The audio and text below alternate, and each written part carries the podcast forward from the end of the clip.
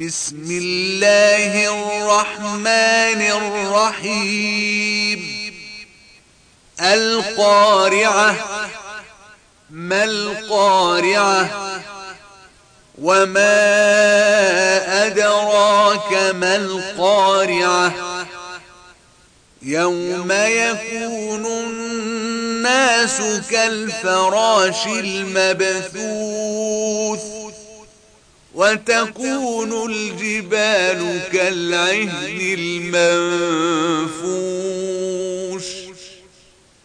فأما من ثقلت موازينه فهو في عيشة راضية.